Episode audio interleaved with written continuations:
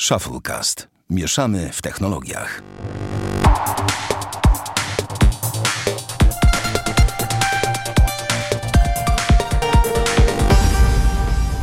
Witamy serdecznie. 294 odcinek Shufflecast. Damian Pracz.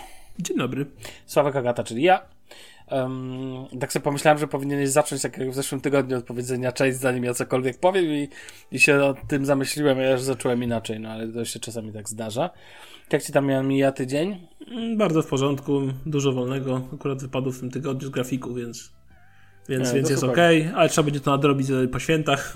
tak coś za coś. No, no tak, tak, tak, tak. Godziny tydzień- się muszą zgadzać, nie? Tak, za tydzień święta, więc my nie, nie dajemy gwarancji, że odcinek będzie, być może nie będzie. Ja ruszam w trasę do Polski, więc nie wiem, czy znajdę czas, żeby nagrać. Ehm, więc wiesz, więc...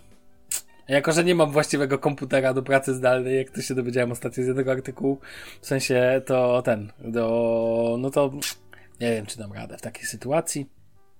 A mój drogi, a to rozumiem, w tym tygodniu znalazłeś czas, żeby pójść do kina.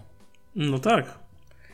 Um, I- Ja mam za, za, zanim to, to ja mam kilka pytań technicznych, bo dawno nie byłem w polskim Okej. kinie i się wybieram. Dobrze. To teraz pytanie, w jakim kinie byłeś? Zaraz Cinema powiem. City jak zawsze. A dlaczego powiem zaraz? Albo mogę powiedzieć dlaczego zawsze jeździmy No to- do Cinema City, ponieważ z Ursusa jest najlepszy dojazd do Janek, bo wyskakuję sobie na obwodnicę, którą mam 500 metrów, no może trochę więcej od domu. Mhm. I w zasadzie wrzucam sobie szóstkę, ten pomaciek 120 i w ciągu 10 minut jestem w Jankach. Mam tam 11 km i bez żadnych świateł, bez niczego, a poza tym tam e, te centrum handlowe mm, jest w tygodniu zawsze jeździmy, bo weekendy Mhm. wiadomo, że nie opłaca, a że drożej będą masa ludzi, ale w tygodniu jest bardzo mało ludzi tam, nawet o godzinach typu 15-16, czy nawet wieczorem.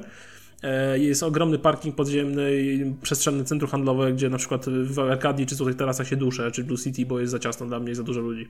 Nie, Dlatego zawsze, zawsze, zawsze, jeździmy do, zawsze jeździmy do Janek, e, no bo po prostu jest najlepiej i tyle. Okej. I tam A- Cinema City jest do tego też, no, całkiem duże Cinema City, więc y, też jest, że tak powiem, duży przekrój, wiesz, filmów i, i dużo godzin do wyboru zawsze, więc też zawsze coś nam pasuje.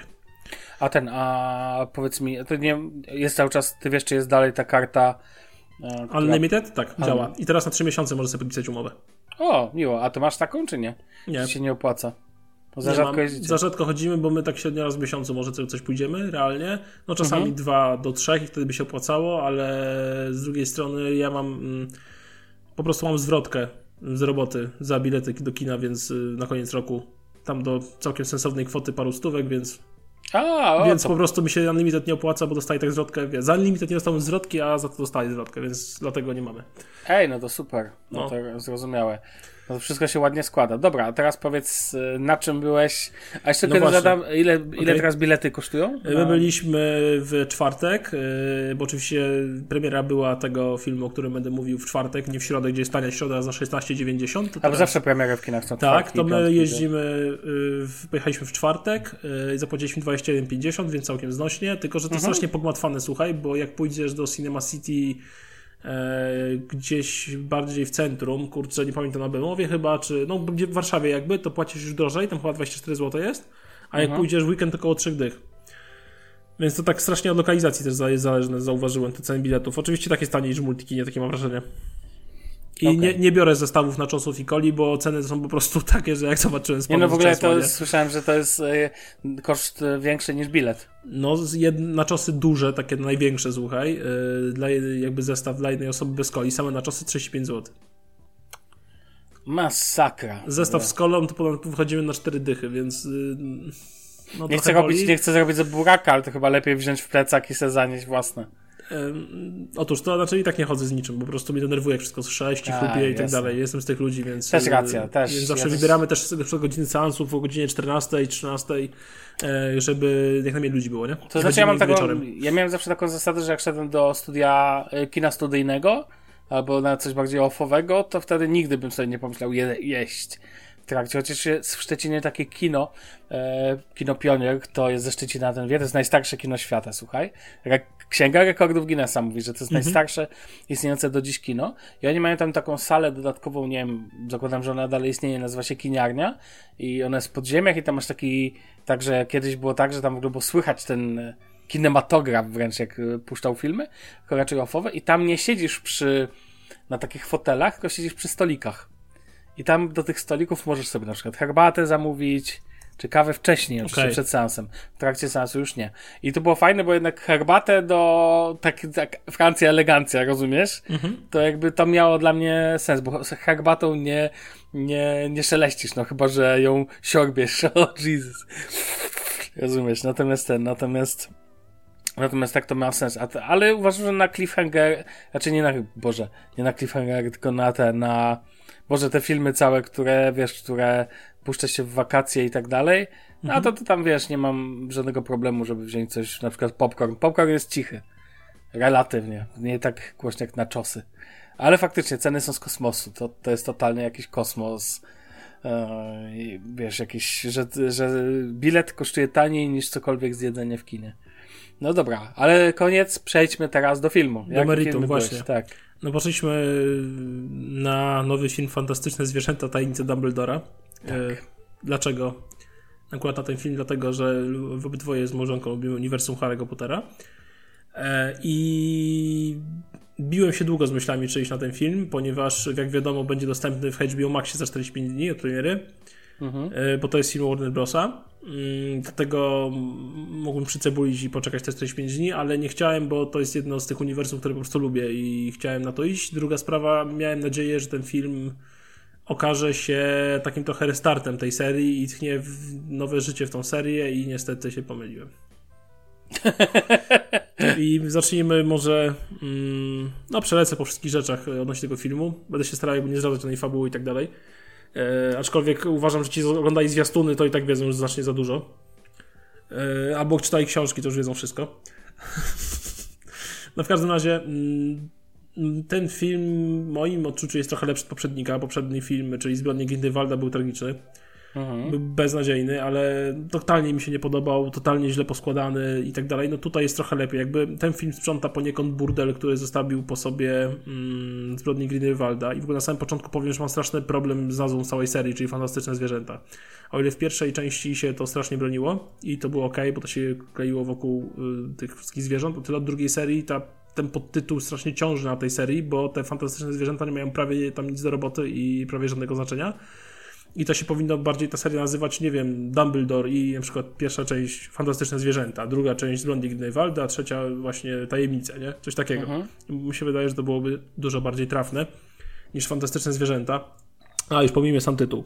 E, Pierwsza zmiana to jest oczywiście Mats Mikkelsen, odtwórca roli Grindelwalda, po tym jak e, Johnny Depp, e, Deep, jak, jak mówią, tak zwą, tak zwą, został z tego filmu wywalony za swoje kontrowersje ze swoją żoną, podobno potem niesłuszne. I mam. Z jednej strony uważam, to jest dobra zmiana, bo Mats Mikkelsen moim zdaniem wypada mniej memicznie a, niż e, Johnny Depp. E, Może dlatego, że Johnnego Deppa pamiętam głównie z roli pirata Jacka Sparrowa, takiego trochę nierozgarniętego nie, i siekniętego w łeb, e, takiego komika. I nie do końca mi do tej roli pasował i jakby nie budził takiej grozy i takiego mm, poczucia antagonistycznego w tym bohaterze takim, wiesz, złym, jaką budzi Mikkelsen. Tylko z drugiej strony uścili to Mikkelsena, którego moim zdaniem zagrał bardzo dobrze. E, I to jest jeden z najjaśniejszych punktów tego filmu. Mm, I wygląda fajnie. Momentami wygląda, zwłaszcza jak akcja dzieje się w Niemczech, wygląda jak taki Ad- Adolf Hitler, kurde, który przemawia na placu e, do III Rzeszy. E, Takie budził we mnie skojarzenie właśnie te wobec tych scen granych w Niemczech. Tylko mam problem z nim taki, że go w ogóle nie, ucha- nie ucharakteryzowali mm, tak przynajmniej podobnie jak Johnnego Deppa, nie? Bo Johnny Depp miał te białe włoski, miał tego wąsa i w ogóle, a tutaj w zasadzie mamy gościa, który jest trochę jakby wyższy się wydaje, jest, ma ciemne włosy i jakby tak mogli coś zrobić z tą charakteryzacją, żeby chociaż delikatnie przypominał tego Grindelwalda, który został wizualnie wykreowany w poprzednich dwóch częściach. Ale ogólnie sama zmiana myślę na plus, bo naprawdę Mats Mikkelsen wypada sensownie. Druga sprawa jest yy, ten odtwórca roli Dumbledora. On też wypada naprawdę sensownie i to jest kolejny jaśniejszy punkt tego filmu, bo ogólnie relacja między yy, Grindelwaldem i Dumbledorem yy, w tych kilku scenach, które są w tym filmie, niestety za mało, yy, jest Czyli, pozytywem e, tego filmu. W sensie relacji. Law gra O właśnie, Jude Law, dokładnie. Tak. I jakby tych dwóch aktorów moim zdaniem e, tutaj e, ma, no widać tą jakby więź, która ich łączy na planie i widać, że oni się dobrze czują w tych rolach i to naprawdę jest takim motorem napędowym tego filmu i bardzo szkoda, że jest tak mało scen z tymi aktorami. Druga sprawa, mm, druga, kolejna sprawa pozytywna, moim zdaniem, e, to fakt, że mm, ten cały Jacob Kowalski, nie wiem czy oglądałeś w ogóle jakąkolwiek część. Mm, widziałem dosłownie e, kawałek jednej, to totalnie mi nie, nie, nie podeszła jakby... Okay. to ten Jacob Kowalski, to jest z Nowego Jorku piekarzyna, e, który jest Mugolem. Mhm. Jest taki naturalnie śmiechowy, bombastyczny, taki kurczę taki przyjemny i taki nadający całemu filmu takiej śmieszkowatości, ale takiej dość przyjemnej, bo jakby on sprawia wrażenie totalnego nieogarnięcia się w świecie czarodziejów, co w sumie nie dziwi, bo jest Mugolem, nie? W tej roli Dan Fogler. No i ta też jest spoko rola, pomimo może trochę na siłę do, dołożonej tej postaci, ale ogólnie powiedzmy, że jakoś tam pomysł na nią jest i jakoś to tam się broni. Dalej mamy Newta Scamandera, który dalej jest taki dziwaczny, tak to nazwę. Hmm. E, I w tym wszystkim jest dziwaczny i w tym wszystkim jest taki znaczy dość ciekawy, jakby odróżniający się od innych postaci. E, I i potem no jego, ko jego kojarzę z tej serii, no, że, no, no, że Eddie Redmayne tam gra, to, no, to to wiem właśnie, że jakby że w każdym tym. Ja go w ogóle pamiętam jeszcze z fenomenalnej ekranizacji Filarów Ziemi Kena Folletta. To on grał w serialu e, chyba główną rolę w ogóle fenomenalny serial dla fanów Gry o Tron. Jeżeli ktoś... A, no widzisz. To jest taka biedniejsza wersja, no oczywiście, no w prawdziwym świecie oczywiście, czyli opowiadająca o budowie katedry w Kingsbridge. No i generalnie no, jakby ten film trochę sprząta syfu, który się narobił po zbrodniach Greenwalda, jest troszkę lepszy. Eee, niestety na tym się kończą jego zalety. Okej. Okay. Bo tak naprawdę mm, ten film jest trochę o niczym, bo mam wrażenie, że został strasznie sztucznie przedłużony, bo takich y, faktycznie scen, które są sensowne z punktu widzenia uniwersum i które posuwają fabułę, to można było zamknąć w 20 minutach. A okay. to są jakieś sztuczne wydłużacze, które niestety bardzo, bardzo, bardzo psują tempo filmu. Cholernie mocno. E, druga sprawa jest taka, że to, co jakby było problemem pierwszych dwóch części z tej serii, to zostało totalnie zasrane w tej części również, czyli zaklęcia, które jakby w filmach o Harry Potterze miały oczywiście wydźwięk, były takie naturalne, te wszystkie nazwy zaklęć. Zaklęcia naturalne. No? Ale wiesz o co chodzi, no tak, konkretnie wiem. mówiło się nazwę zaklęcia, wylatywała jakaś tam struga czegoś, to zaklęcie coś tam robiło, a teraz mam wrażenie, że to się odbywa do walenia laserami i wybuchu wszędzie, gdzie się da, bez czegokolwiek. W dodatku robi się trochę pewien gwałt na tym, ponieważ y, nie wiem, czy pamiętasz serię o Harry Potterze, jeżeli było zaklęcie y, uśmiercające, no to jego nie dało się, że tak powiem, odbić i zwykłym, najprostszym zaklęciem tarczy. A tutaj nie ma z tym problemu. W ogóle luzik, potrzymaj mi piwo, nie? Więc robi się straszny gwałt na tym i w sumie dziwi mnie to, skoro przy scenariuszu jakby pomagała pisać Rowling, no to chyba ona mhm. klei swoje tak, własne uniwersum, nie? Druga sprawa, jeżeli chciałeś zwiedzić sobie siedzibę Grindelwalda, y, to się grubo mylisz ponieważ w zasadzie jedyne rzuty to są rzuty ptaka na tą siedzibę i koniec. W środku nie ma zupełnie nic pokazane, jak to wygląda. Mm. Jakby to wszystko jest takie mało, bardzo mało przekonujące. Oczywiście same fantastyczne, fantastyczne zwierzęta stanowią bardzo duży margines tego filmu i to w zasadzie nie ma Tło w sensie? Bardzo duże tło i to jest zupełnie już, to, to, to było w pierwszej części, a teraz to zupełnie wyparowało. E, dalej, montaż jest straszny uważam co chwila kamera gdzieś przeskakuje, tu się rusza, tutaj kładzie, tu z góry, tutaj jakiś slow-mo, tutaj coś tam. No ludzie, znaczy nie dziwi mnie to, bo filmy robi ten sam reżyser, y, co od piątej części Harry'ego Pottera, czyli David Yates, Yates, coś takiego. Mhm, David Yates. Y, generalnie, kurde, ale przecież, y, powinni go wywalić. No ale w ostatniej części Harry'ego Pottera uważam były bardzo mroczne i bardzo jakby... Tak, no i ten klimat jest ok, tylko że po prostu tu jest dosłownie dostajemy to samo.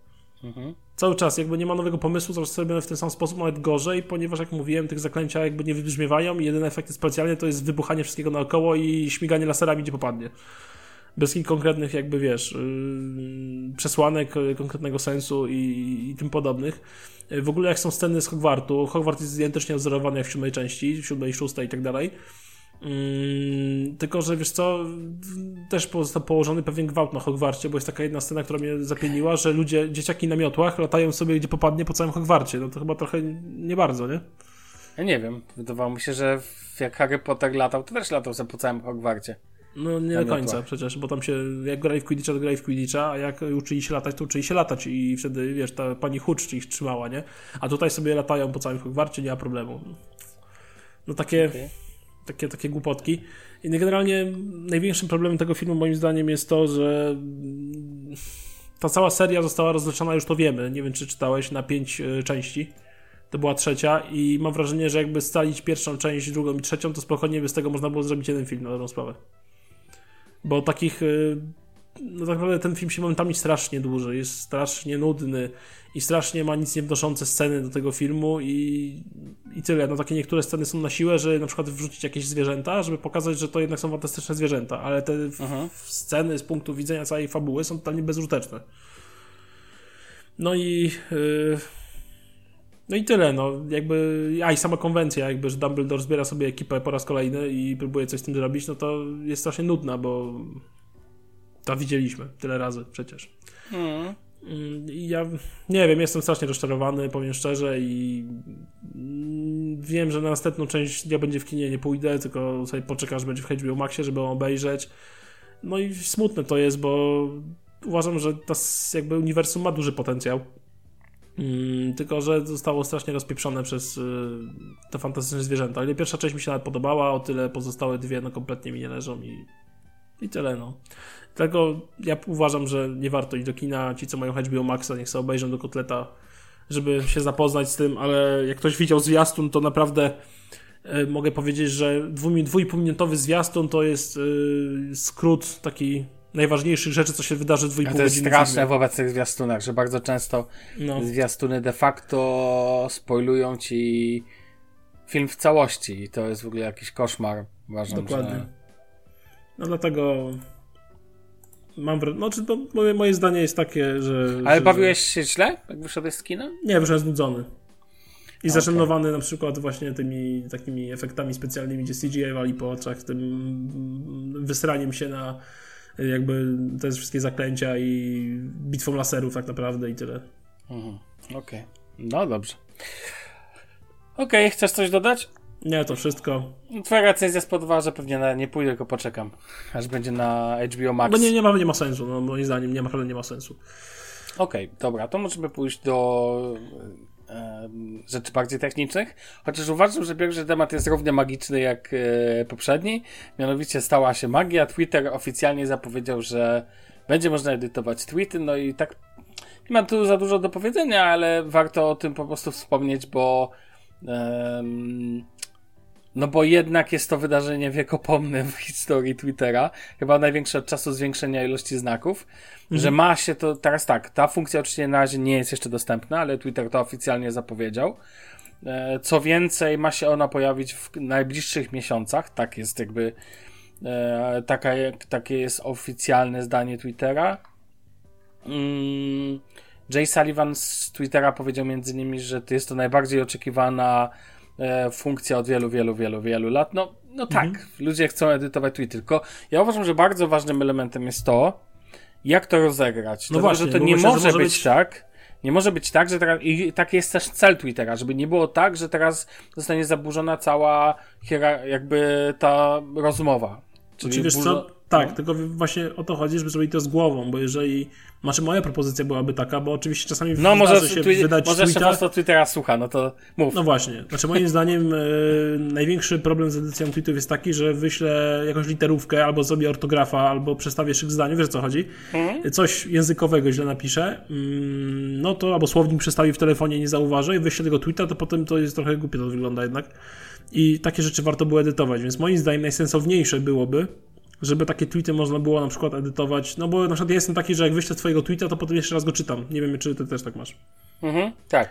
No właśnie, że tak na przykład można było edytować takiego tweeta powiedzmy w maksymalnie w ciągu 5 minut mhm. i w momencie, kiedy nie ma, albo w momencie, kiedy nie ma żadnych odpowiedzi na tego tweeta. Coś no, takiego, bo coś żeby takiego, nie było tak, takiej tak, tak sytuacji, tak, że ktoś wyśle tweeta, na przykład lubię placki, ktoś mu odpisze, y, a ja nie lubię placków, jesteś głupi i on wtedy zmieni tego tweeta na zupełnie co innego, na przykład napisze coś dużo bardziej merytorycznego i wyjdzie, że tamten, kto mu odpisywał, wyjdzie na głupka, bo mówi, że jest głupi, no wiesz o co chodzi, no, żeby zupełnie jakby sens rozmowy zostanie przerwany. I tego bardzo bym chciał uniknąć, bo może dojść do mocnego nadużywania. Znaczy, myślę, że, myślę, że nie dojdzie do sytuacji, że będą tweety edytowalne przez cały czas. Myślę, że właśnie tak jak mówisz, pewnie pojawią się ograniczenia związane z czasem, być może z ilością znaków, a być może z tym, że e, z faktem reakcji na tweeta. To znaczy, jeżeli dojdzie Moim do zdaniem odpowiedzi... wszystko miałoby sens. Na przykład możesz edytować w ciągu 5 minut, pod warunkiem, że nie ma żadnej odpowiedzi pod tym tweetem i możesz jednocześnie zmienić tylko 10 znaków na przykład.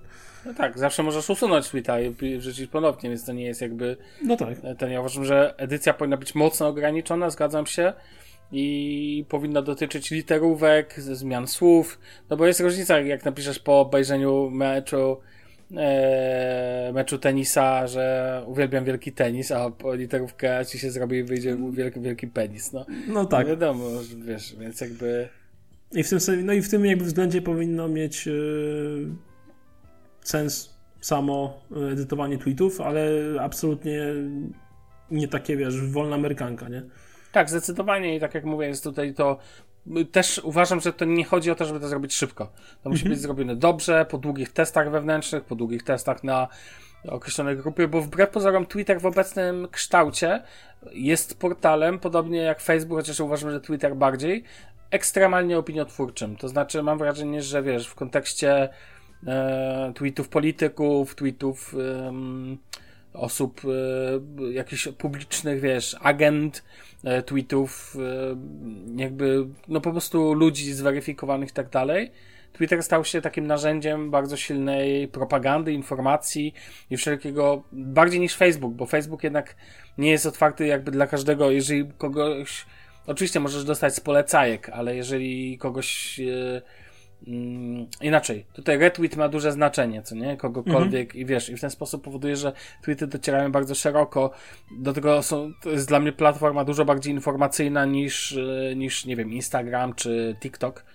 Natomiast ten, natomiast Natomiast uważam, że dlatego tym bardziej uważam, że to musi być zrobione po prostu z głową i to jest właściwie kluczowy element całego tego procesu, żeby nie wylać dziecka z kąpielą, że tu musi być to zrobione jak najlepiej. Uważam, że to nie jest dla mnie, na przykład mi osobiście, to y, brak, brak możliwości edycji przeszkadza faktycznie tylko wtedy, kiedy nie mogę tego wyedytować, bo zrobiłem jakąś głup, głupią literówkę, czy pomyliłem słowo, czy po prostu słownik mi coś poprawił. Tak jak Dokładnie mówisz. tak. Tylko do takich funkcji uważam, to powinno być używane. Jeżeli miałoby służyć do zmiany kontekstu, to to w ogóle powinno być usunięte. Jakby tak, raczej takiej funkcji w ogóle nie powinno być. No.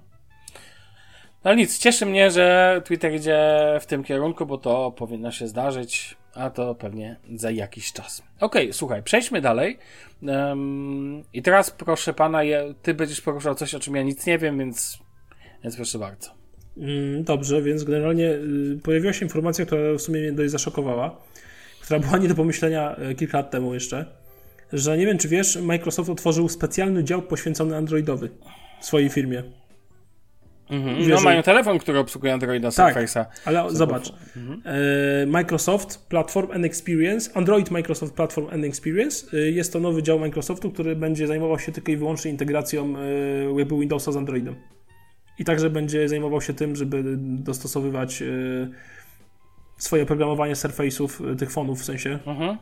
do tego, do, do Androidy.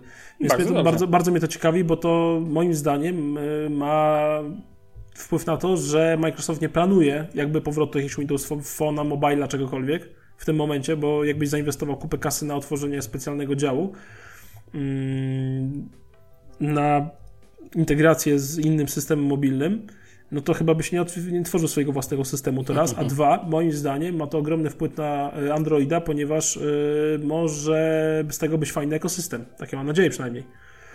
Że nie tylko jakby ekosystem będzie opierał się po powiedzmy usługach Google'a głównie y, na, przez przeglądarkę Chrome powiedzmy na laptopie i na i te same usługi Google na telefonie, ale może Microsoft dorzuci mm, coś, co znamy na przykład y, z urządzeń jabłkowych, tak? Czyli np. odbieranie połączeń bez problemu na komputerze z Windowsem, który jest powiedzmy sparowany z telefonem po tej samej sieci Wi-Fi chociażby, o tego typu rzeczy bez jakichś dodatkowych dziwnych aplikacji producenckich i, i tak dalej. Moim zdaniem jest to ciekawa sprawa, będę temu kibicował, bo liczę, że wyjdzie z tego naprawdę fajny ekosystem. No i tyle. O, okej. Okay. no i generalnie też moim zdaniem może to być yy, może Microsoft w końcu zwietrzył y, temat biznesowy, ponieważ oczywiście Microsoft ma masę aplikacji na Androida, tak? Jakieś tam y, launchery, klawiaturę SwiftKey, swoją przeglądarkę, OneDrive, Office'a całego, Skype'a, tak? I tak dalej, wszystkie swoje usługi, więc może te usługi będą jakby lepiej też rozwijane i dostosowywane tak na system androidowy. No, powiem Ci, że ten, powiem Ci, że można na to liczyć i uważam, że Microsoft powinien to robić, to jakby nie ma co, no nie, nie powinien tworzyć własnego systemu, bo im się to już raz nie udało, więc myślę, że zdecydowanie najlepszym rozwiązaniem jest tutaj zbliżanie się jak najmocniej do Androida. No ja sam wiem po sobie, że że współpraca u mnie akurat Windowsa z Androidem. Oczywiście to nie jest poziom iOS-a, macOS-em, bo to nie jest jedna firma, nie, to jest oczywiste, tak, że jakby tu nie ma czegoś takiego. Tą drogą w całym procesie pośredniczy Samsung, bo to Samsung mam wrażenie umie najlepiej współpracować z Androidem. Chociaż ta aplikacja MyPhone dobrze działa zarówno na, na e, telefonach Surface, jak i na Samsungach. I tam właściwie najlepiej. Natomiast ten, natomiast ja to widzę, ja tego chcę, poproszę. Słuchaj, dobra, myślę, że możemy iść do kolejnego tematu. Znowu Windows. Microsoft miał, no nie, miał ostatnio w zeszłym tygodniu swoją konferencję i pokazał kilka interesujących rzeczy, kilka mniej interesujących, między innymi to, że cloudowa wersja Microsoft, e, Windowsa będzie można, będzie można zintegrować jakby z, bezpośrednio z tą wersją podstawową, ale to są rzeczy, które nas totalnie nie obchodzą, no bo średnio nas dotyczą. Natomiast uważam, że odświeżenie eksploratora plików, a już o tym ostatnio mówiliśmy w pewnym kontekście, jest dość ważnym wydarzeniem, patrząc po to, jak wiele osób używa codziennie tego narzędzia, tak, z Explorera plików. Mówimy tutaj o zmianach w Windowsie 11, nie wiem, czy one do, yy, ale z tego co wiem, że one nie będą jakby yy, nie będą jakby także dla Windowsa 10. To znaczy będzie to tylko dla Windowsa 11, chociaż tutaj wiesz, jakby ja bym się na to jeszcze nie zamykał, no bo to jest aplikacja wewnątrz Windowsa, więc mhm. to, czy ona zostanie jakby dopasowana do Windowsa 10, bardzo ciekawy. Ale generalnie co pokazał Microsoft? No więc Microsoft pokazał na swoim ostatnim podczas swojej ostatniej konferencji, że po pierwsze będą taby, to jest coś, o czym mówiliśmy, to wypłynęło i oni to testują i faktycznie jakby już powiedzieli oficjalnie, więc drogi Damianie, w Windowsie 11 będą taby, w, czyli będziesz mógł otwierać w kartach, jak to ładnie się też mówi, e, nowe okno Explorera, co jest zmianą wielką no, kontekście Windowsa, no ale o tym już jakiś czas mówiliśmy, więc nie będę się za długo powtarzał. Dodatkowo pojawiają się tak zwane ulubione. E, ale nie ulubione foldery, tylko ulubione pliki. Będziesz mógł przypiąć plik do tego, że jak będziesz startował Explorera, to będziesz miał na górze swoje najważniejsze pliki. Okej, okay, dobra, ale to takie coś no. możesz zrobić w pasku. Powiedzmy, przypinasz sobie Excela i konkretne, powiedzmy, zeszyty sobie wrzucasz e, do pasku Windowsa. I no tak, ale bardzo często korzystasz z tego. Bardzo często korzystasz też z, po prostu z Explorera plików. Tam na przykład jest w tym widoku takim na dzień dobry, dostajesz taki e, tak, tak zwany recent, czyli ostatnio otwarte pliki, a teraz będziesz mógł je przypiąć jakby jeszcze dodatkowo, czyli wybrane okay. pliki aktualnie, na którym aktualnie pracujesz. Będziesz, a czy wiesz, to jest lepsze niż przypinanie do paska, bo jednak na pasku masz programy i tak dalej, teraz robienie tam syfu uważam jest bez sensu. Dla mnie to, że masz to w Explorerze plików jest bardziej naturalne. Ja na przykład uży, przez to, że używam alternatywnego mm, Explorera plików, bo używam tego Directory Opus, no to, no to tam mam taką funkcję, jakby z niej korzystam. Lubię przypinać pliki konkretne do tego, że jakby mam do nich szybki dostęp. Więc okay. to, e, to jest e, kolejna kwestia. Mm, dodatkowo w ogóle, to ciekawostka, e, tego nie, nie powiedział Microsoft na konferencji, ale pojawiło się to na screenshocie jednym, że będzie można że będzie można tworzyć foldery aplikacji na pulpicie. O co chodzi? Chodzi o to, że będziesz mógł jakby, tak jak masz na, przykład na Androidzie, nie wiem czy na iPhone'ie tak jest, że kilka aplikacji wrzucasz do jednego jakby, tak jakby, jakby zbierasz tylko aplikacje w jedno, w jeden klik i po prostu otwierasz je i masz same apki do, do wywołania. No tak można nazwać foldera aplikacji. Oczywiście da, jesteś w stanie to zrobić przez skróty. E, w sensie, jeżeli masz skróty na pulpicie, możesz sobie zrobić z nich ładny folder, ale to wygląda troszeczkę inaczej wizualnie, bo tam masz miniaturki tych aplikacji i tak dalej, i tak dalej. To jest kolejna kwestia. E, I co jeszcze? I czekaj, aż sobie spojrzę, czy coś pominąłem. E, a, i cała właśnie nowy homepage będzie, będzie, gdzie pojawi się przycisk home. W ogóle to w Windowsie też normalnie piekło zamarza, czyli dom jakby, jak zwał, tak zwał. Czegoś takiego teraz nie ma. W lewym, wiesz, w lewym jakby pasku on będzie cię przenosił do twojego folderu, twojego profilu. Eee, Okej, okay, spoko. To jedno i po prostu tam będziesz miał też e, swoje tam ulubione, właśnie to się pojawi ten, ten, cały recent i tak dalej. Spoko, jak najbardziej, natomiast uważam, te taby dużo zmieniają. Myślę, do tego wizualnie to wygląda całkiem poprawnie. Ja w ogóle uważam, że Windows 11, patrząc przez perspektywę tego, że obecnie bardzo powoli, bardzo powoli idzie to, żeby użytku, przenoszenie użytkowników z Windowsa 10 na Windowsa 11. Co ja ciekawe, się nie to, dziwię. No właśnie, to, to, ja uważam, że to nie jest spowodowane do końca tym, że niechęcią. Ja uważam, że największym problemem są te wymogi bezpieczeństwa, czyli wiesz, wszelkie związane z tym, jaki musisz mieć procesor, przez to komputer staje się niekompatybilny. Wiesz, że Surface Studio jest niekompatybilne z Windowsem 11? Mm, to jest wiocha. No, dokładnie. To no. jest tak jak to, że te nowe AirPodsy Max, te, te, te duże takie, mhm. nie obsługują tego lose audio. audio tak? Co, coś, tak? Ta, coś takiego, tak. To, to, jest na takiej samej zasadzie. To jest dla mnie głupota totalna, nie? No, no dokładnie. I wiesz, jakby ja lubię Microsoft, ale to, to jest w ogóle żenada. E, że wiesz, że no, tak to wygląda. Ale mogę ci powiedzieć, że ten, mogę ci powiedzieć, że mm, ja jakby obydwa komputery mówią, krzyczą do mnie zapdateuj się do tego, zapdateuj się, zapdateuj się do Windowsa 11. Póki co się mocno, mocno, mocno wstrzymuje i na pewno nie będę się śpieszył, ale, bo póki co cały czas są, wiesz, jakieś blokady funkcyjne, które mi bardzo nie odpowiadają. Są na to metody, ominie- są metody ominięcia tych blokad, ale to jakby mnie totalnie póki co nie przekonuje, więc nie będę szukał, wiesz, nie będę szukał jakby jakichś rozwiązań na, dookoła, tylko poczekam, aż Windows 11 dojrzeje. Uważam, że on musi dojrzeć. To będzie fajny system. Ja uważam, musi że musi być Windows 12. Ale powiem Ci, najbardziej mnie rozwala. Ost no, pff, ewentualnie. Ostatnio ten, ostatnio opracowałem u klientki na Windows 11 i musiałem się dostać do ustawień e, udostępniania w katalogu. Mhm. I najpierw musiałem kliknąć prawym klawiszem myszy i tam masz ostatnią pozycją było jakby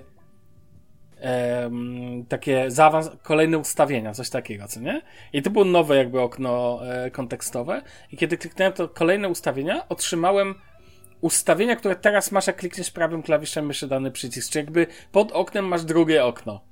I myślę sobie, i dopiero wtedy wchodzę, tam muszę kliknąć ustawienia i wchodzę do już samych jakby tych yy, preferencji pli, yy, katalogu, co nie? A nie mhm. mogli tego zrobić, że po prostu pod, kiedy klikasz te dalsze preferencje, to właśnie wtedy pojawia się już jakby preferencje. No ja nie rozumiem w ogóle, rozumiesz, okno przechodzi w okno i dopiero z tego okna mogę wejść do właściwego. Windows 11 dla mnie wygląda tak, jakby ktoś ponakładał na Windowsa 10 takie, takie ładne naklejki, Rozumiesz? Tak jakby tak? ten i, i się cieszył z tego. Dosłownie. Wygląda jakby po, przyk- zakrył Windowsa 10 takimi ładnymi, no to tak jakbyś dostał samochód, na który naklejasz folię.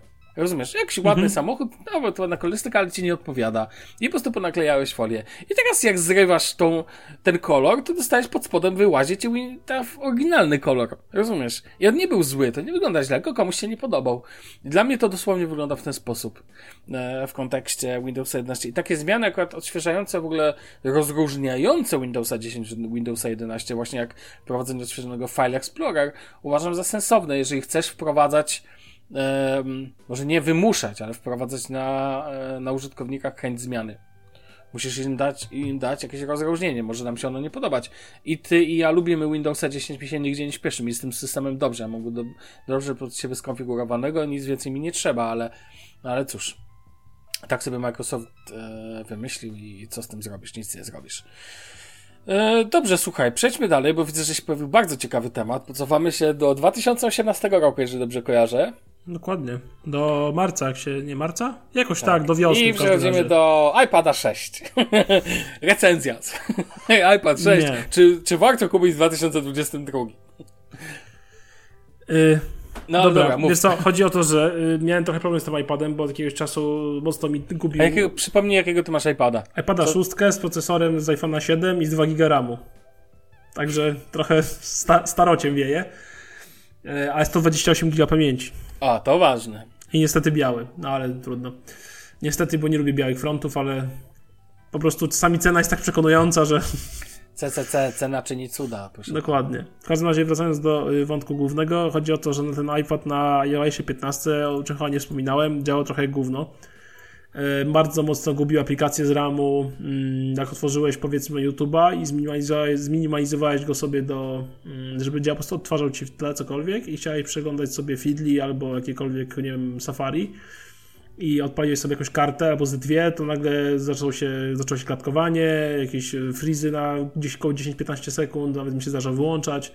E, Ale powiem Ci szczerze, że mocno się zaskoczyłem, bo po aktualizacji do iOS 15.4.1, czyli tej najnowszej wersji, która była chyba z tydzień temu, e, albo w tym tygodniu, coś takiego, nie jestem aplowcem, wybaczcie, e, aż tak się tym nie interesuje, gówno odżyło. W sensie, No kurde, nie mów tak. ku mojemu zdziwieniu naprawdę zaczął działać. Znaczy, wiesz co, ja się zastanawiam nad zmianą tego iPada na iPada 9 już, bo naprawdę on działał trochę źle, ale po tej aktualizacji nie wiem, co Apple pogmerało. Ta aplikacja była, aplikacja, aktualizacja była dość duża. I powiem Ci szczerze, że on zaczął działać znowu przyzwoicie. Okej, to nie jest demo szybkości, dajnie zrobimy na nim nie wiadomo czego i dajnie odpalimy pięć aplikacji na raz, ale teraz mogę sobie komfortowo wrzucić YouTube'a, y, żeby otwarzał się w tle i do tego przeglądam sobie 3-4 karty w Safari, co w sumie wystarcza. E, I zniknął taki dziwny bug, bo na przykład jak odtwarzałem jakiś film czasami, czasami, w zasadzie zawsze, na iOSie 15 od samego początku, y, jak włączałem coś na playerze, Netflixie, HBO, co, czymkolwiek, to było... film się ciął przez pierwsze 15-20 sekund. I teraz to znikło i jestem bardzo pozytywnie zaskoczony, że Apple w tak starym urządzeniu jednak coś tam porobił, że ta aktualizacja nic nie zepsuła, a wręcz pomogła, więc mm, szapoba. Dzięki temu jakby dalej znowu przestałem myśleć o zmianie tego iPada, bo znowu zaczął działać akceptowalnie dobrze. Mm, No i, i tyle, co chciałem pochwalić Apple w końcu za coś. Niesamowite, nie? No, może nie niesamowite, ale fajnie, że w końcu coś ten. No, także to takie mój właśnie mały, mały, moje, małe wtrącenie odnośnie Apple i że jednak też coś, im- czasem coś im wyjdzie, hehe. Mm, Okej, dobra, słuchaj. em, Przejdźmy do jeszcze jednego wątku. I tutaj tak naprawdę dwa tematy razem muszę tutaj obrócić, bo będziemy rozmawiać o Synology, bo dwa tygodnie temu o tym rozmawiałem. E, Jeżeli ktoś by potrzebował jakichś dokładniejszych informacji o jak coś skonfigurować, to mogę ewentualnie pomóc, ale na pewno nie będę dzisiaj opisywał jakichś tam szczegółów. Natomiast chcę opowiedzieć o dwóch wątkach. Mówiłem już o tym, jak podstawowo wykorzystać Synology, do czyli jak, wy- przepraszam, nawet nie Synology, jak wykorzystać nas w domu. Wybaczcie, ja po prostu używam rozwiązania od firmy Synology, ale to jest jakby kwestia, możesz mieć QNAP-a, możesz mieć dowolny inny. Oczywiście nie każdy będzie funkcyjnie odpowiadał temu, jak sobie na przykład e, działa właśnie Synology, no bo tego nie mogę zapewnić. Ja przypomnę tylko, że NAS to taki dysk, który trzymamy sobie w domu jakby jako dysk sieciowy. Mamy do niego dostęp dzięki temu na każdym urządzeniu, czy to na telefonie, czy na e, czy na e, komputerze. I chcę powiedzieć tylko, na, na, w ogóle chcę najpierw zdisować słuchaj Synology za to, że zaorali swoją oryginalną aplikację na Androida do wymiany plików. I teraz mają aplikację, nie pamiętam jak ona się nazywa, no to, bo jej nie używam, a nie używam jej dlatego, że jest gówniana. A czemu jest gówniana? Wyobraź sobie, że masz aplikację typu Google Drive i ona nie pozwala ci synchronizować automatycznie twoich plików na telefonie z, z Google Drive. Tak działa nowa aplikacja od Synology, że ona w trybie, o ile w y, trybie desktopowym pozwala, czyli mówimy o wersji na komputer, to wersja na telefon ma w sklepie Play chyba dosłownie jedną gwiazdkę w ocenie, czy 1,5 na 5, dlatego że nie pozwala na synchronizację plików, które masz na telefonie z Synology, automatyczną synchronizację Fantastyczna aplikacja. fantastyczna. Pozwala ci odczytać Świetna. pliki z tego, ale żeby automatycznie przeprowadzić e, synchronizację, co sobie możesz pocałować się, nie powiem w co. Rozmawiałem z ludźmi z Synology, Niemcy, Synology Niemcy, i oni mówili, że, mówili mi, że aktualizacja tego problemu jest przewidywana w najbliższej przyszłości. I że jakby w Synology mają świadomość tego, że jest to u nogi, natomiast no póki co jest jak jest, tak? Więc taka, naj... chciałem zacząć od tego minusa, bo wiem, że kilka osób się w ogóle skarżyło na ten temat e, do Synology, więc e, taka wrzutka. Natomiast przechodząc dalej, e, mogę powiedzieć, że po pierwsze można wykorzystać NASA do tego podstawowego rozwiązania, czyli wymiany plików plus backupu. To o tym rozmawialiśmy ostatnio. Natomiast jest sporo więcej możliwości wykorzystywania NASA i nawet znalazłem temat na Reddicie, na subreddicie Synology. Top 5 things you use your Synology for, czyli 5 najciekawych rozwiązań, do których używasz, Mhm. to jakby topowych rozwiązań, do których używasz Synology. Zastanawiałem się też, do czego ja używam Synology w tym kontekście. Jednym z najpopularniejszych rozwiązań jest Plex. I mówi, znaczy w ogóle używanie Synology jako swojego serwera plików, y, ale multimedialnych. I do tego można wykorzystać e, kilka rozwiązań. Jest Plex, ale jest też um, e, takie rozwiązanie, sobie je znajdę. Natomiast chciałem zacząć od Plexa i od razu wtrącę kolejny temat. Mianowicie Plex możesz sobie zainstalować na Synology właśnie oficjalnie z pakietów. Robi się to dość prosto. E, po prostu przez taki instalator. Uwierz mi, że jest to banalne jak instalowanie aplikacji na przykład na, na ze sklepu Apple albo ze sklepu z repozytoriów e, Linuxa i po prostu pobierasz sobie Plexa, instalujesz, konfigurujesz go w podstawowy sposób i od tego momentu masz serwer multimediów. I do czego on służy? Wrzucasz na niego dowolne filmy, jakie masz, wiesz, e, jakieś mm, stream, jakieś e, swoje pliki muzyczne, bo też muzykę i możesz go sobie słuchać tego, czy oglądać rzeczy z dowolnego urządzenia w Twojej sieci domowej, ale także poza siecią domową. Możesz także udostępnić sobie, czy zrobić takiego swoistego Netflixa. Tylko musisz mieć te pliki fizycznie wygrać. Mhm. Jeżeli masz jakąś bibliotekę plików, albo masz na przykład skopiowane swoje DVD-ki albo Blu-raye, to możesz je sobie ładnie udostępnić do sieci. Co ważne, Plex pobierze ci wszystkie okładki, pobierze ci opisy, czyli wygląda to tak bardzo mocno Netflixowo. Ostatnio pojawiła się. A, i w ogóle masz tym także e, możliwość. E, możliwość e, streamowania jakiejś telewizji niektórych. To raczej ja uważam, że to się sprawdza. To się lepiej sprawdza na tym, na, w Stanach Zjednoczonych. Natomiast.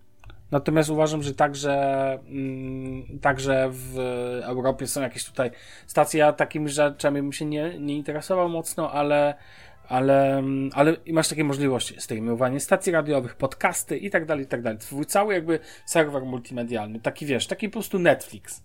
No, no tak. Jest też możliwość zainstalowania alternatyw, al, ponieważ Plex ma sporo funkcji ograniczonych e, w wersji darmowej. I jeżeli chciałbyś korzystać z jakichś rozwiązań trochę bardziej zaawansowanych, typowo sieciowych, to musisz tam wykupić ich pakiet za kilka dolarów, taki premium. Natomiast jeszcze jest coś takiego, co się nazywa Jellyfin, Jellyfin Project i to jest... Jellybean? Taki... Dobra. Dokładnie. E, jego także może zainstalować na Synology. To jest e, rozwiązanie open source i to jest taki Plex, ale open. Coś takiego jak masz Microsoft Office versus OpenOffice, czy tam LibreOffice. -hmm. To tak bym powiedział. Też bardzo ładne, też zaciąga okładki i też jest możliwe do insta zainstalowania. Jednakowoż instalacja troszkę bardziej trudna, bo musisz zainstalować specjalny program Docker i za pomocą tego jakby możesz doinstalować już nieoficjalne oprogramowanie, można byłoby powiedzieć. Jego nie ma w oficjalnym sklepie Synology, ale jest to, nie jest to jakaś bardzo skomplikowana konfiguracja. Na internetach mo można znaleźć sporo filmów na ten temat. No to, więc mamy tutaj także alternatywne rozwiązania. Ale Plex niedawno udostępnił bardzo ciekawą funkcję, od razu to zrobię jakby na raz. Mianowicie nazywa się to Plex Discover i jest to w fazie beta. Jest to, słuchaj, funkcja, która pozwala ci podpiąć do Plexa twoje konta w serwisach streamingowych takich jak Netflix, takich jak HBO Max, takich jak e, Amazon Prime i tak dalej, i tak dalej. Więc przez tego Plexa na końcu możesz sobie oglądać wszystkie treści dostępne w tych serwisach, a także swoje treści. Czyli taki integrator sposób... swojego czasu. Integrator, swego tak. Czasu, tak, w sensie swojego tak, rodzaju. taki hub, tak. To w fajne. Sposób, no i on ci jakby, to jest na razie nowy projekt zupełnie Plexa, dostępny także w wersji bezpłatnej, więc jakby, żeby używać tego integratora, nie musisz mieć żadnej wersji płatnej Plexa, więc spoko. Czyli możesz sobie jakby be, twój, wtedy, co fajne, wszystko możesz włączać z jednego miejsca. Prze wyszukiwać w jednym miejscu. Raz się logujesz do te, wiesz, do Plexa poprzez y, dostępy dla danych aplikacji i zamyka się wtedy temat. Uważam to za rozwiązanie bardzo ciekawe brakuje takiego trochę integratora, do tego, że możesz go jakby łączyć ze swoimi plikami, czy masz jedną bibliotekę wielką. Nie wiem, powiem Ci, że jestem ciekawy i będę starał się to przetestować. Jestem ciekaw, jak będzie działać wyszukiwanie. Wiesz, jakby, jeżeli będzie wyszukiwać Ci po wszystkich bibliotekach i także twojej bibliotece, to będzie coś jak w Android TV, gdzie jest taka, wiesz, jakby możliwość, że jak wyszukujesz, Właściwie mhm. nawet bardziej w Google TV to jest tak, właśnie jedna, e, ten, to on ci wyszukuje po wszystkich platformach także z możliwością zakupu lub wypożyczenia z, z twojej, wiesz, jakby na przykład z Google e, Movies i tak dalej. I uważam, że jest to bardzo ciekawe rozwiązanie. Zresztą Plex tutaj w tych to, na tej liście pięciu rozwiązań topowych, w ogóle serwer plików multimedialnych jest jedną z takich najważniejszych e, rozwiązań, znaczy najczęściej spotykanych rozwiązań.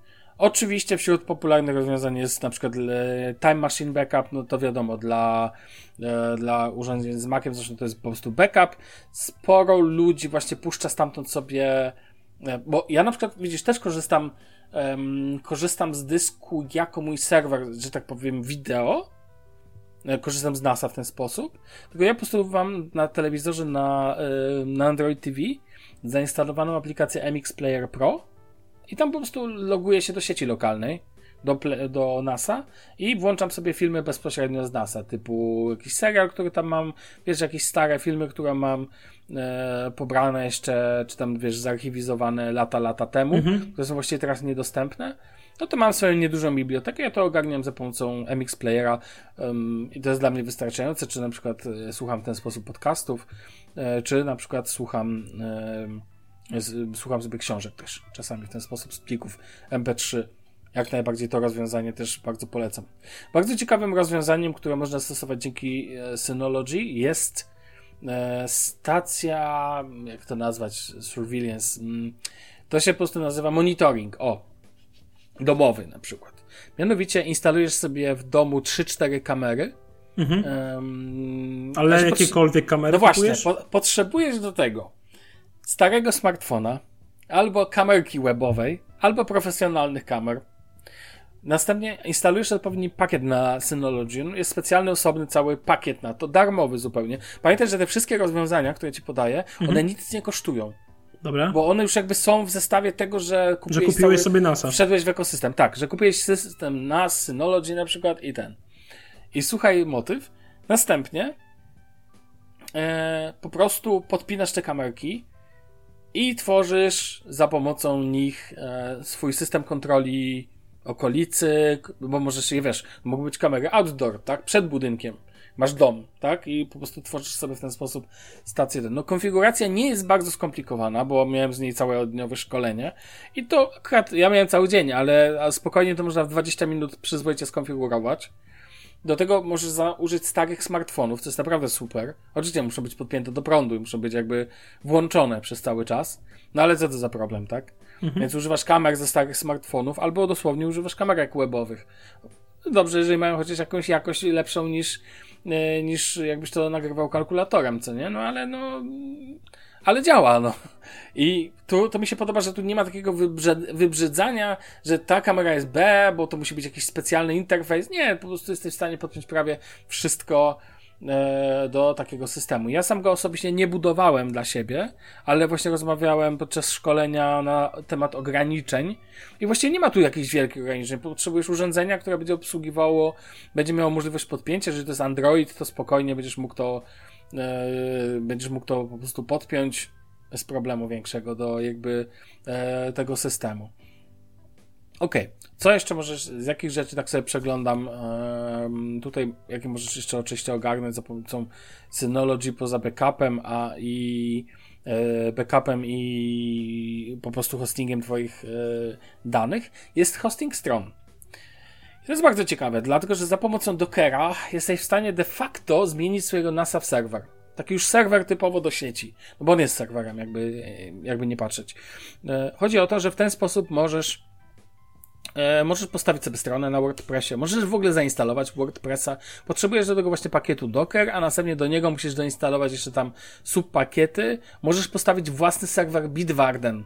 To jest spoko, do, czyli menedżera haseł i po prostu hostować własne pli. E, Bitwarden ma tą możliwość, żeby e, robić, mieć go w trybie self-hosted, czyli samodzielnie sobie się hostować. Mhm. Więc wrzucasz sobie na swojego, na swojego NASA za pomocą Dockera. Jest specjalna w ogóle, w, sieci można znaleźć całe piękne tutoriale, jak postawić Bitwarden na swoim Synology i mieć swój, co jest wielkim plusem? Twoje hasła są wtedy na twoim serwerze. Całkowicie. Oczywiście warto je wtedy backupować, a ustawienia NASA muszą być odpowiednio skonfigurowane na potrzeby bezpieczeństwa i dostępu. To jest chyba oczywiste, ale nie zmienia to faktu, że wtedy nie trzymasz swoich plików haseł, mimo tego, że one są właściwie niemożliwe do otwarcia. Taki e, kontener e, haseł, e, nie trzymasz go w Bitwardenie, że tak powiem, na serwerach Bitwardena, tylko trzymasz je u siebie. Sporo ludzi ma, że tak powiem, na punkcie bezpieczeństwa na tyle dużego fioła, że im zależy, żeby to było całkowicie u nich. Używają KeePassa chociażby, które pozwala trzymać się całkowicie w domu. No ale tutaj możesz to też robić po prostu na Synology. I wracając do tematu stron, tak jak mówię, możesz tu postawić dowolny system i to nie musi być strona internetowa, to może być na przykład dysk typu Nextcloud, na którym odpalasz kolejne rzeczy. Czy odpalisz sobie tak zwanego wewnętrznego Slacka, czyli Nextcloud y, Talk, to się nazywa, y, czy dowolne inne rozwiązania, o, które możesz odpalić w Nextcloudzie, jak najbardziej tak. Więc serwer po prostu stron, albo serwer um, jakby usług, które pozwolą ci odpalić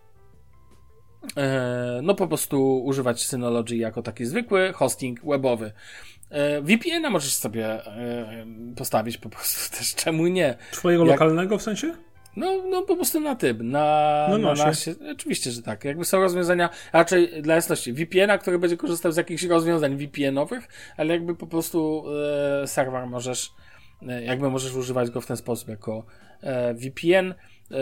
serwer audio oczywiście, możesz tu zrobić oczywiście także reverse proxy, ale to jest oczywiste, no bo reverse proxy jest świetnie przydatny na potrzeby chociażby właśnie strony czy Bitwarden najlepiej działa, jeżeli chcesz go sobie mieć dostęp też z zewnątrz, to jest oczywiste. Mm, patrzę jeszcze co z takich ciekawych rozwiązań. Mm, Synology. A, no tak, możesz sobie nagrywać w ogóle. E, jeżeli streamingujesz do Plexa telewizję, to możesz sobie na NASA nagrywać bezpośrednio. Więc także masz taką możliwość. Tak naprawdę takich rozwiązań jest bardzo dużo. Tak jak mówię, sporo osób używa, znaczy właśnie czytam, że kilka osób używa e, do hostowania na przykład WordPressa i czemu nie? Na przykład moglibyśmy mógłbym teoretycznie spokojnie mhm. wrzucić naszą stronę chociażby na, na Synology, no i wtedy ściąga się cały koszt. Co nie? Jakby. No bo ten. Chociaż ja dalej uważam, że najlepszym rozwiązaniem jest używanie nawet nie jako backup, raczej, dobra, backup jako jedno, a drugie jako po prostu możliwość dostępu do Twoich plików z każdego miejsca na świecie.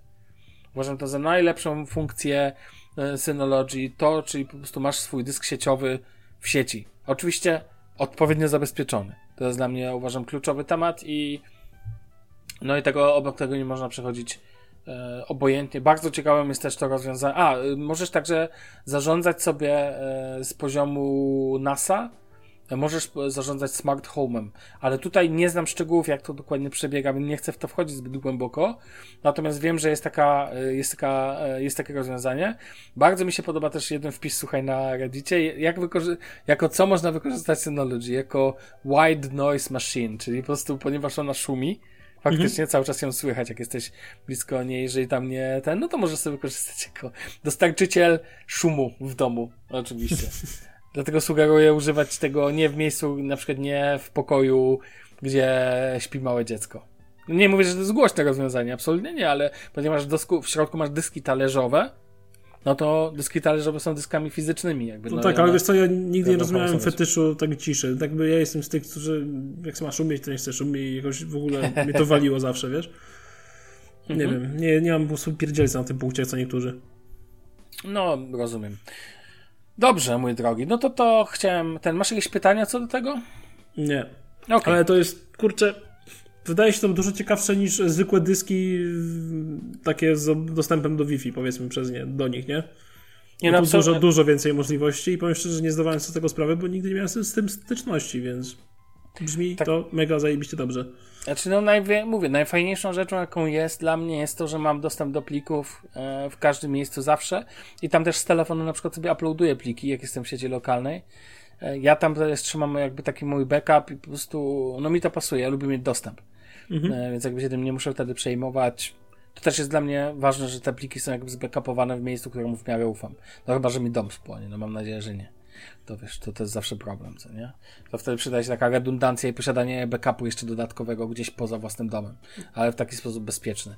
No to jest też świetne rozwiązanie dla ludzi, którzy chcą troszkę oszczędzić pieniędzy, no bo w długiej perspektywie uważam, no bo jeżeli możesz zamontować do środka własne dyski, i chcesz backupować pliki, albo chcesz używać tego jako taki Google Drive, to jak Synology się ogarnie z tą synchronizacją mobilną, to to w tym momencie nic nie jest, jakby nie przemawia za tym, żeby używać przysłowiowego Google Drive'a. No pewnie może jakieś tam drobne plusy są z tego, ale tak ogólnie, no to tu możesz sobie de facto postawić to i nic nie płacić dodatkowo co miesiąc. Mhm. To nie jest wtedy subskrypcja, to jest twoja własność. I to jest ta przewaga. Więc wiesz. No dobrze. Eee, Damian, myślę, że możemy się zbliżać do końca. To na dzisiaj tyle. Tak jak mówię, za tydzień czy nagramy, to zobaczymy, bo to będą święta. Zobaczymy, jak to będzie w rozjazdach i takie tam bzdury. Ja nie mogę zagwarantować, ale przekonamy się. Dzięki wielkie za dzisiaj. Eee, trzymajcie się. Do usłyszenia. Na razie. Cześć. Siemano.